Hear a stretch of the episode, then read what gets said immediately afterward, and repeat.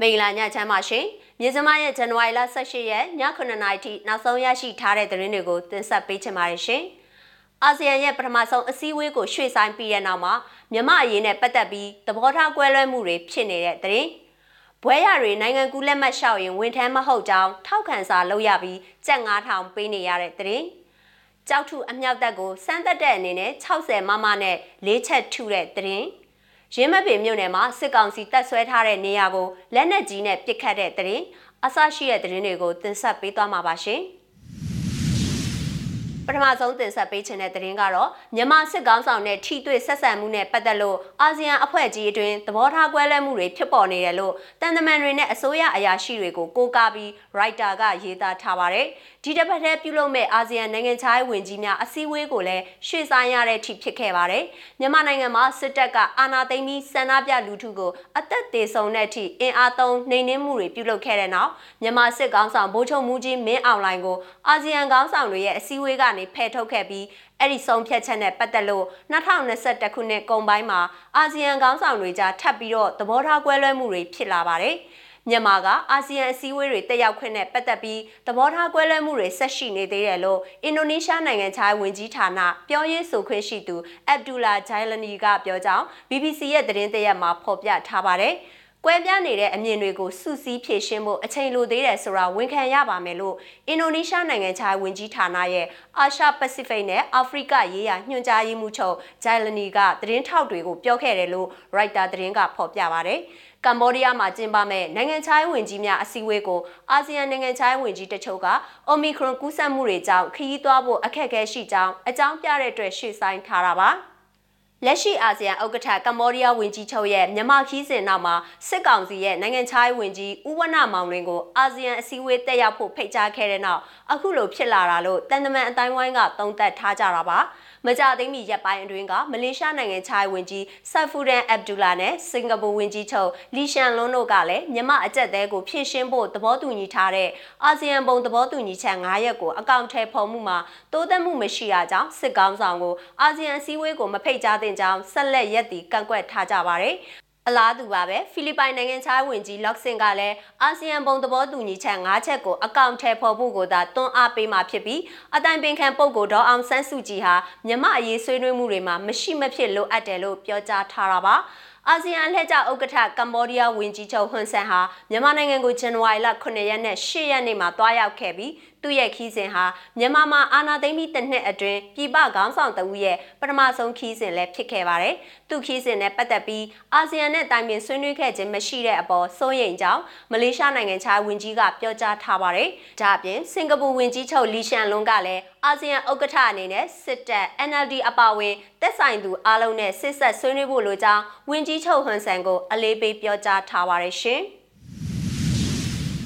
နောက်ထပ်တင်ဆက်ပေးခြင်းတဲ့သတင်းကတော့ဘွဲရပြီးသူများနိုင်ငံကူးလက်မှတ်လျှောက်ရင်ဝန်ထမ်းမလုပ်ကင်ကြောင်းထောက်ခံစာယူရပြီးငွေကျပ်9000ထပ်မံပေးရတယ်လို့တွားရောက်လျှောက်ထားသူတွေစီကသိရပါဗျ။နိုင်ငံကူးလက်မှတ်ထုတ်ပေးရေးရုံးမှာရှိတဲ့ဝန်ထမ်းတွေကစာရွက်စာတမ်းတွေကိုစစ်ပြီးတော့ဘွဲရပြီးသူဖြစ်နေရင်ဝန်ထမ်းဟုတ်မဟုတ်မေးမြန်းပြီးတော့ဝန်ထမ်းမဟုတ်ရင်အဆိုပါရုံးရဲ့ပုံစံထုတ်ယူဖို့ဆိုတဲ့နေရာမှာဝန်ထမ်းမဟုတ်ကြောင်းထောက်ခံစာထပ်မံတွားယူရတယ်လို့သိရပါဗျ။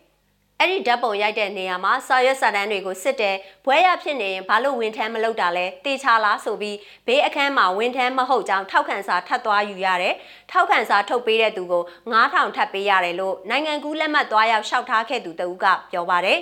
အခုလိုဝင်ထမ်းမဟုတ်ကြောင်းထောက်ခံစာယူရတာဟာသူတို့ရဲ့ထက်မှန်ပြောင်းလဲလိုက်တဲ့မူဝါဒအသစ်တစ်ခုဖြစ်ကြောင်းနိုင်ငံကူးလက်မှတ်ဆောင်ရွက်ပေးတဲ့အကျိုးဆောင်တဦးကပြောပါတယ်။ဝန်ထမ်းမဟုတ်ကြောင်းထောက်ခံစာယူရတာကအခုမှထဖြစ်တဲ့ကိစ္စပေါ့ကိုကမလဲရင်ကြောက်နေရင်တော့ခံရမှာပဲတချို့တွေဆိုရင်ဘွဲရမဟုတ်ရင်တော့ဝန်ထမ်းလောက်လား CDM လောက်လားဆိုပြီးဟိန်းဟောက်မေးတာတွေရှိရလို့သူကပြောပြပါဗျ။အဆိုပါနိုင်ငံကူးလက်မှတ်ရုံးမှာနိုင်ငံကူးလက်မှတ်လာရောက်လျှောက်ထားသူဟာနေ့စဉ်ထောင်နဲ့ချီရှိနေပါတယ်။ passport slip စာရွက်ထုတ်ပေးရတဲ့အခန်းတွေမှာရဲဝင်ထမ်း2ဦးစီရှိပြီးတော့အဲ့ဒီရဲဝင်ထမ်း2ဦးရဲ့ဓာတ်ပုံရိုက်တဲ့နေရာကရရှိတဲ့အသတင်ဝင်ငွေဟာတလမှာကျပ်သိန်း100ခန့်ရှိပါတယ်တချို့ရဲဝင်ထမ်းတွေဟာစာအုပ်ထုတ်ပေးတာနေရာဥပေးတာနဲ့ရုံးအတွင်းကိုအလွယ်တကူဝင်ရောက်နိုင်ဖို့လှုံ့ဆော်ပေးတာတွေအတွက်မုံဘိုး9000ကျပ်1000ကျပ်အစရှိသဖြင့်တောင်းကြပြီးသူတို့ရဲ့ဝင်ငွေဟာလည်းတစ်လမှာကျပ်30ချီရှိနေပါတယ်ရှင်။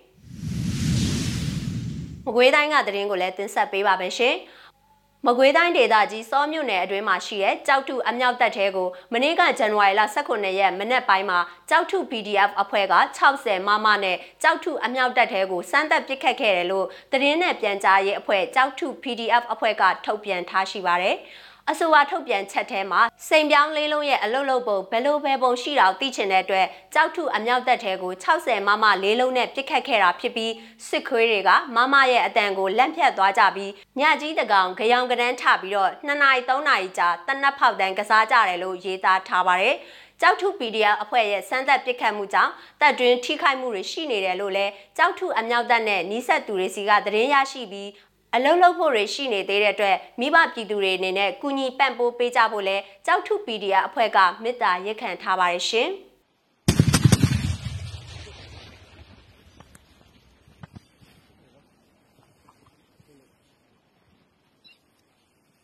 နောက်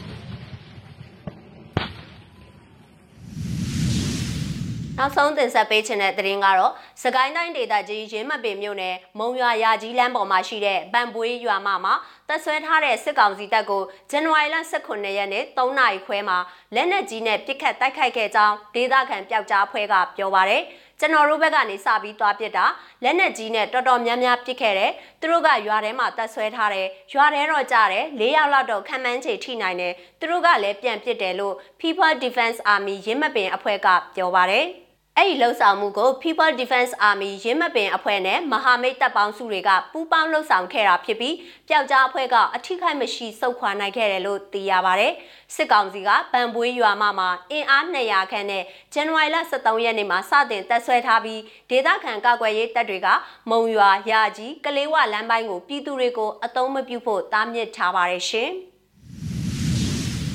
မြင်းစမရဲ့ဇန်နဝါရီလ18ရက်ည9:00နာရီထိနောက်ဆုံးရရှိထားတဲ့သတင်းတွေကိုတင်ဆက်ပေးခဲ့တာပါကြည့်ရှုအားပေးတဲ့အတွက်ကျေးဇူးအထူးတင်ရှိပါတယ်မြမပြည်သူတွေဘေးရန်တဲ့အပေါင်းကကင်းဝေးကြပါစေရှင်။